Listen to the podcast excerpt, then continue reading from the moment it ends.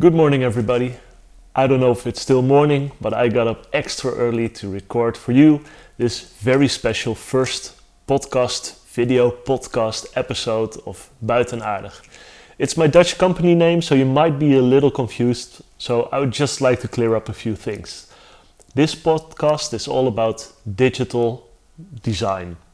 Everybody who works in digital creation. So you create applications or you create phone apps or you just simply work with the internet, online marketing, whatever it is you do. As long as you work in the digital world, this is the podcast for you. My name is Philip Wallage. I'm a Dutch 33 year old guy at the moment, and my background is in UX design. So, in this podcast, I would like to tell you a bit more about who I am and what my history is so you get a bit of a sense of uh, who it is you're talking to. Sadly enough, I'm not a big celebrity, so this probably is a new face and it's this face as well, but we'll have to do with it. So I'll give a short introduction and I'll tell you a lot about what I'm actually currently doing. Because I'm working on something really cool. Uh, I'm creating new digital products, but I'm basing my strategy on design sprints. So I'll tell you a lot more about design sprints in this podcast as well.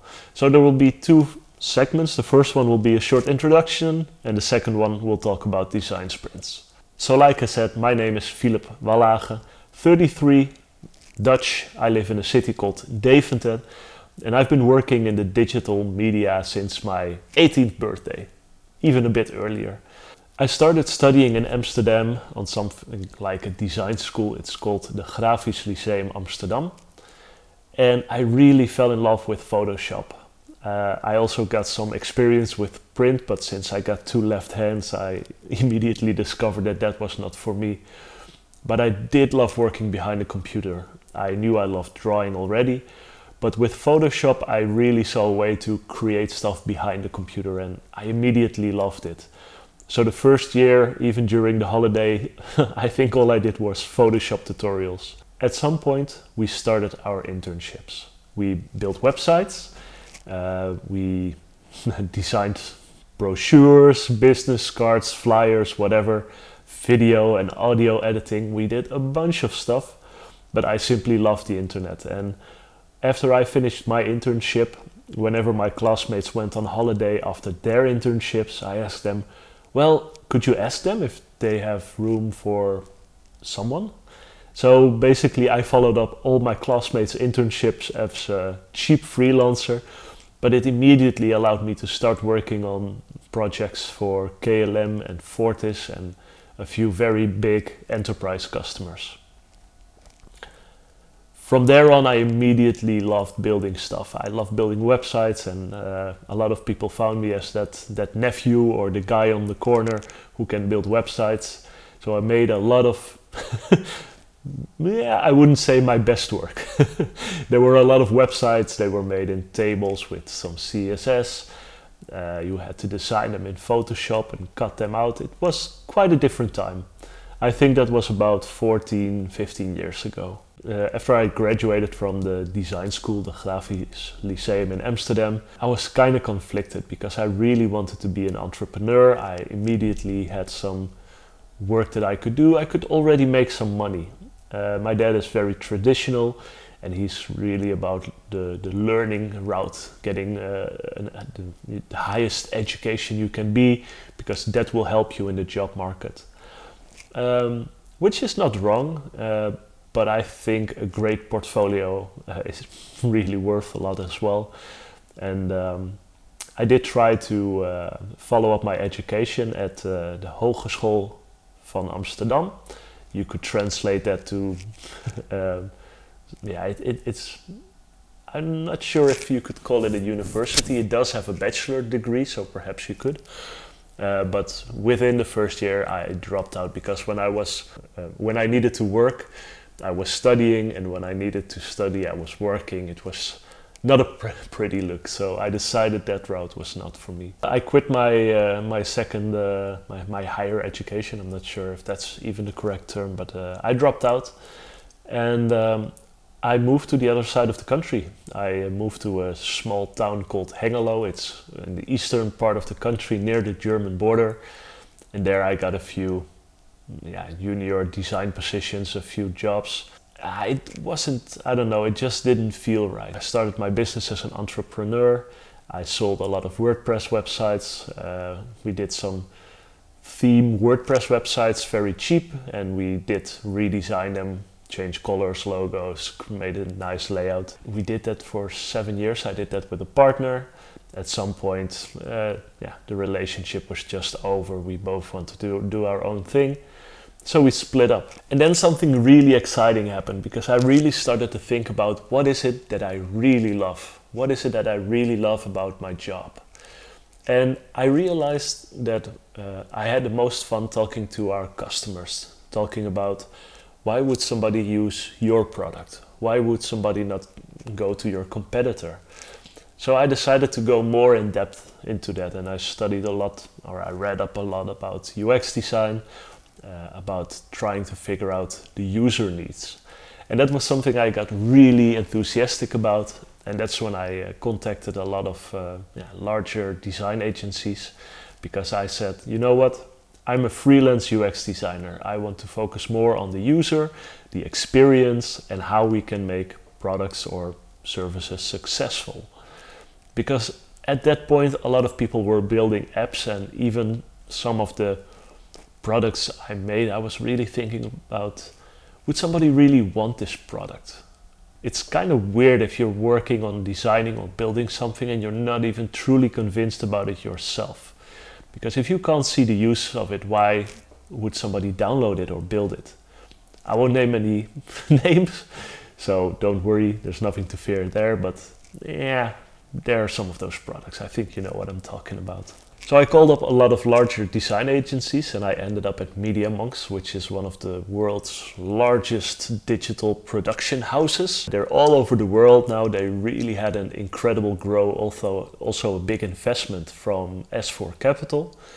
And I worked there on two uh, two jobs. One was a Lego Christmas campaign, and the other one was an uh, Adidas running app. That was before they bought Runkeeper or Runtastic. I think it was Runkeeper. And after that, things really snowballed for me. As a freelancer, I worked a lot in and around Amsterdam. I worked for Philips, Vodafone, PwC, Heineken, even more and bigger brands.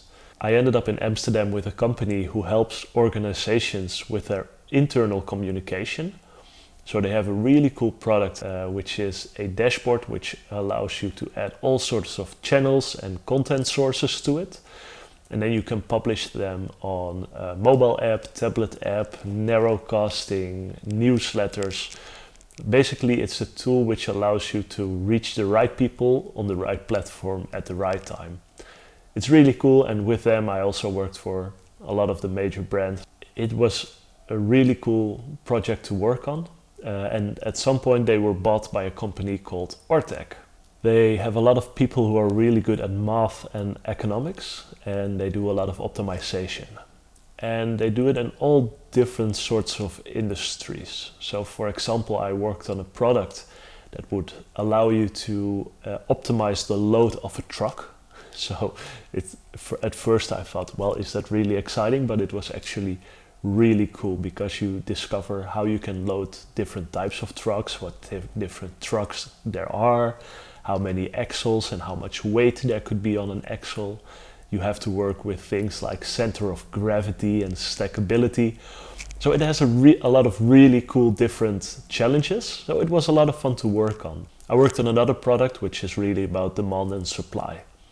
So it was in the fuel industry with another very large company, and they have different gas stations. And the tool was designed as we'll figure out what the demand is, the forecast, and we'll calculate the optimum time for a truck to leave. He'll drive the ideal route and, op- uh, and provide every tank or gas station with uh, the right type of gas. Once again, incredibly challenging and a lot of fun to build there and yeah, new products for. It was a really fun challenge because at that point I was already working on products, uh, which kind of perhaps brought out the flame which got me here. So after Ortec, I worked at Het Financiële Dagblad. It's a Dutch financial paper. It has a pretty pink Selma newspaper. And I worked on, of course, their digital products. So their website, they have different apps. When I arrived there, I asked them, what do we have design-wise with all the documentations? And they were there wasn't that much documented. There were a few fonts, a few colors, but that was about it. During six months, uh, I created a design system for them. So we uh, used the colors. We even optimized them a bit because some had a bit of contrast issue. And I worked in the multidisciplinary team, uh, which was right below management. And management determines the goals of the company, and we were allowed to figure out what we thought would be the best way to achieve those goals. So we had a lot of creative freedom and we could also pick our projects which we felt most comfortable with, which would help us achieve those goals. Or my part existed from two parts actually. One was the design system, creating, maintaining, implementing, expanding, but also coming up with a design for new features. And it was really cool because once the design system was up and running, we were already able to use that in different apps and we really created more synergy between the way the apps looked and felt. So that was really valuable in uh, creating more of that brand value. Every app looks and feels the same way. Uh, they do different things, but you know exactly what or whose product it is actually. After six months, uh, because of a four hour daily commute, I decided not to stay. Um, it was a hard choice to make because I had a lot of fun. The work was really cool, but a four hour daily commute that really breaks you up. At that point, uh, somebody from Hengelo, that small city that where I used to live for 10 years, I moved to Deventer. They contact me, they contacted me and they said, "Well, we know a company that might be something for you. you. So you should just drink a cup of coffee and see what you think. And the name of that company is Curious Inc., which is a cool name by itself. And they have different digital SaaS products. And they're, I wouldn't, yeah, I'm not quite sure if you could call it the cash cow, but their most mature product is called Dation, which is a SaaS service for driving schools. Well, since I'm doing this podcast in English, perhaps it's uh, good to say that in Holland uh, there are a bit of different rules for driving schools. So in Holland, everyone can uh, start their own driving school. So if you're unemployed, you could say, you know what, I'll have somebody tinker on a car, and I'll or I'll lease it, and I'll take an exam, and then I'm a licensed driving driving instructor. Because of that, the market in Holland is a bit different because there are, I think, a lot more smaller driving schools, which opens up the market for the product called Dation. It's a web application. You log in, and there you'll have your students, your agenda. You can manage your vehicles if you have more than one, your invoicing, your products, everything in one application. So it's a huge application. It's been around for 15 years, and I think I'm, i would love to know your experience with these sort of things. What I've known from products is that they grow and also in functionality, but at some point it just becomes sort of bloated. Like a lot of new functionality was added on the same page. So another tab, another button, another input field, and at some point you have an enormous application which is quite difficult and complex. You start to notice this especially when you need to onboard new users and you see them log in and they go like, wow, this, this is so much, I don't even know where to begin. So they asked me to help me um, uh, yeah, redesign their product. So there was a lot of information architecture, which things are sort of the same, or can we bundle? Can we remove things? Can we redesign things? And I think in a year and a half, we achieved a lot of great results. Um, the product is a lot simpler, it looks a lot nicer, it looks a lot more synergetic. Uh, like there's pages work and look more in the same way. You don't have to discover every page because the the the way the page setup it's more of the same. So you don't have to relearn a new part of the product, if you know what I mean. So after Dation, I absolutely found what I love. I, I said to myself, you know what, these digital products, I really love them. I love the way you can start with an MVP. You can really discover the value that your product brings to the market. You can grow it, you can expand it, allows you to generate recurring revenue sometimes. And I really, I really am in love with this, uh, with this concept. So I've always been some sort of an entrepreneur, a freelancer, but I think having a, a digital product portfolio would be one of the coolest things ever. So that's my next challenge. That's what I'm starting from actually this month. So I, I guess this is the first week I'm actually uh, starting to work on this. I'm looking for companies who are willing to invest in a new digital product. So if there's a company who says, well, you know what, we're struggling with a specific type of issue and we don't know how to solve it, I want to build a new product for it. I would like to be able to continue the development of that product and also put it available in the market for other companies to use. So this is a bit of a different approach. I'll talk more about this in a, in another podcast because I think that's an uh, that's a story on its own. Uh, but one of the ways that I wanted to do this is by using a concept called design sprints. I'll try to keep the pace a little bit uh, because the design sprint is a five day process. Every day has its own details, its own tips, its own tricks but I'll try to give you an overview in a useful way, but I'm not going to dive into every detail. So, like I said, the design sprint is a five day process that helps you to solve critical problems. Is five days long or not? It kind of depends.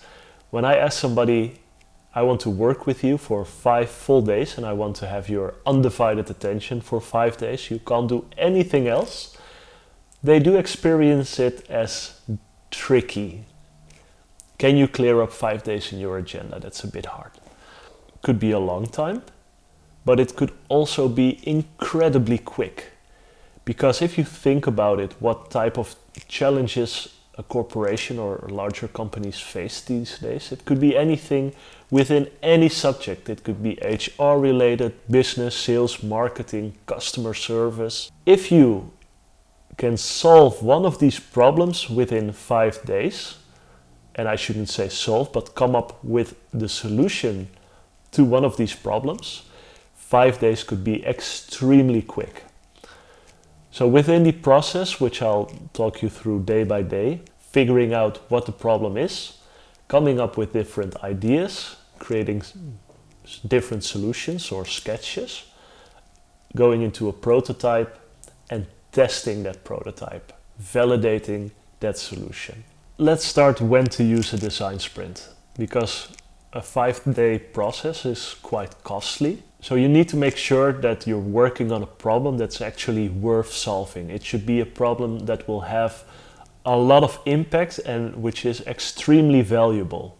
Because otherwise, if you would work for five days with a whole team on it and fixing the problem isn't that valuable, you've spent a lot of valuable resources. Monday is all about understanding.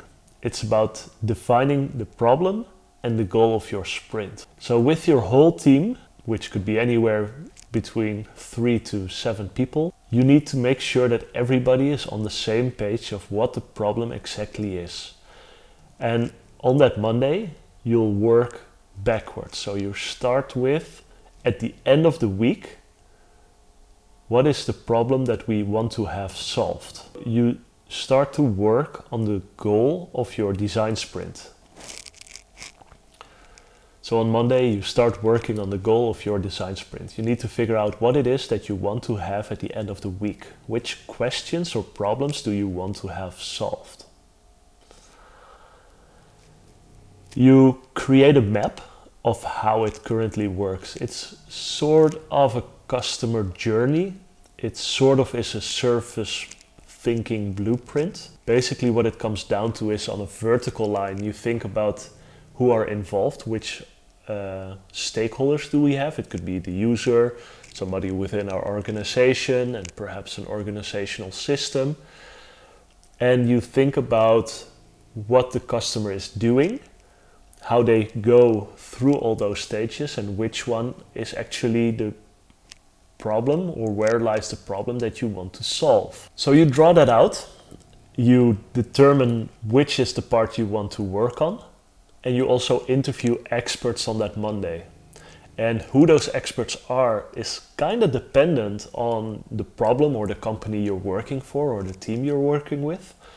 But with every product, uh, with every design sprint, it's quite easy once you talk with a customer to figure out who would make sense to ask for these expert interviews. On Tuesday, it's all on Tuesday, it's all about sketching.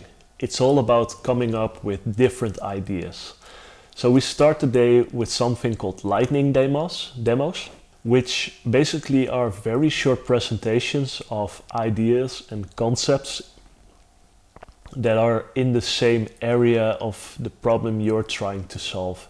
It should serve as inspiration to everybody because not everybody on your team might be a designer. So it's good for them to see different things. You can use these ideas to mix and match or create perhaps new ideas. During the second part of the day, everybody is going to sketch and this is something that's I, that I think is really exciting and some people experience it as a bit scary because I don't know if I can draw. Don't worry, it doesn't have to be a Picasso or whatever. It needs to be a clear sketch. So if you can draw a square with some text, you're good. So it's a really cool sketching process. Uh, you start by making everybody take notes so all the lightning demos that's been uh, that's been presented, there's stuff hanging on the wall.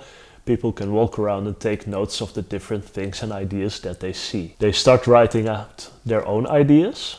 You go into a cool process called the crazy eights, where you fold a piece of paper a few times, where you get eight small squares, and then they have to draw eight different versions. I heard somebody say, you know what, I make them even throw away those first eight because I want eight more to actually really challenge them and actually come up with new ideas which are a bit harder to come up with, which I thought was a cool touch. After that, everybody draws their own final sketch, their final solution. At the end of Tuesday, everybody goes home, and normally I hang up these different solutions because then it's Wednesday. The Wednesday starts with something called an art museum. All the different solutions are hanging on the wall, and everybody can take a look, of course, but only one person presents them. And there won't be a discussion. Everybody has sticky sticky notes or round small stickers that they can do a dot voting with, and they simply put it on the solution or somewhere in the solution of pieces that they find interesting. There's a designer within your team, and at some point he decides, well, you know what? This is our sprint goal. I know what the problem is that we're solving, what we're trying to achieve, and I think that this solution has the most potential to do that. That's a very, very big step because at that point, the whole team starts working on that specific solution. So they start thinking about okay, what else do we need? Because the solution rarely is three screens. The solution isn't three screens, so you start storyboarding.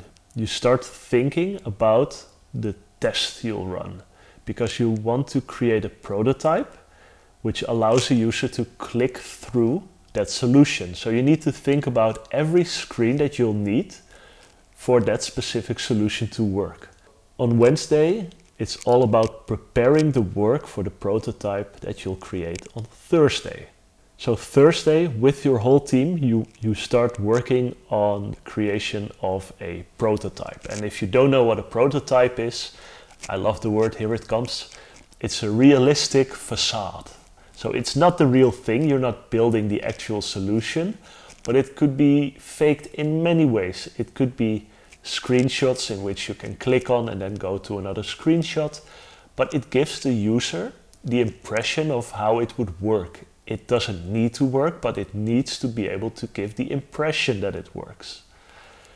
So with your whole team, you'll take a whole day to work on that. And I won't go into too much details because there are a million ways to do it, but that might be a different blog or a different episode, whatever. And on Friday is a very, very, very important day. Because what normally happens is that there isn't enough testing. We have an idea which we think is a solution, but we're all incredibly biased because it's our own idea and we can say, you know what, this will definitely work. We know it for sure. But the truth is, we don't. Nobody knows for sure, and that's why you need to test. So on Friday, we'll have five users come in individually and we'll test our solution with them. So we need to know which questions do we want to ask are there specific areas of our prototype that we're uncertain about and which do we what do we want to have validated? I'll go into a room with somebody and we'll have a laptop or a mobile phone and we'll do a screen share or a camcorder and audio share to another room. Basically, in another room, the complete team there will be watching and they'll be taking notes because they need to listen and estimate if the person is actually getting it. Is the user experiencing the value of the prototype? Is this user experience the value of the solution of the problem we're trying to solve? And I think this is a really cool situation because at this point you the things really come together because on Monday when you when you talk about what is the problem we're trying to solve, you're also talking about how much is this problem costing us. It could be time, it could be money, but during that testing, you also try to validate if it truly is solving that problem. And if that user is saying, you know what, this would save me half an hour a day easily, you can then calculate how much value or money you can calculate how much money you would save by saving somebody that much time every day.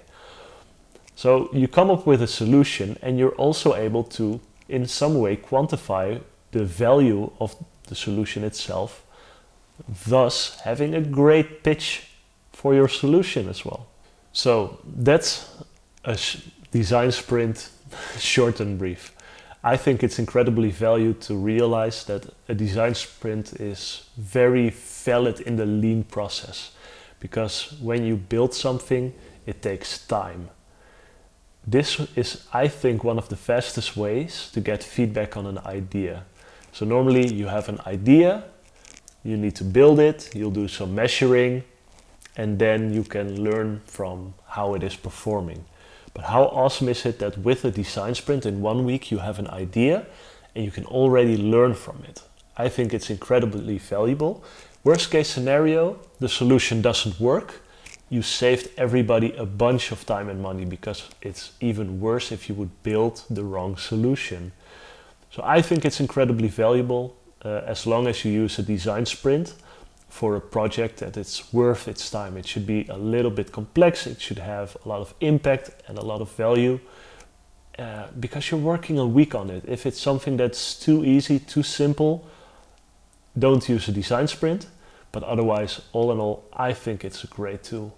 That's it for the first video podcast. Thank you so much for watching and listening. Uh, I just wanted to say it was a lot of fun for me to do, and I would love to get in touch with you a digital professional because I would love to interview people, get to learn what it is that they do, how they got into their game, how they mastered it, and yeah, how how much fun our digital little world is. So if you if you're a digital professional, feel free to contact me. Let me know. I want to be in the podcast. We'll see if we can hook something up.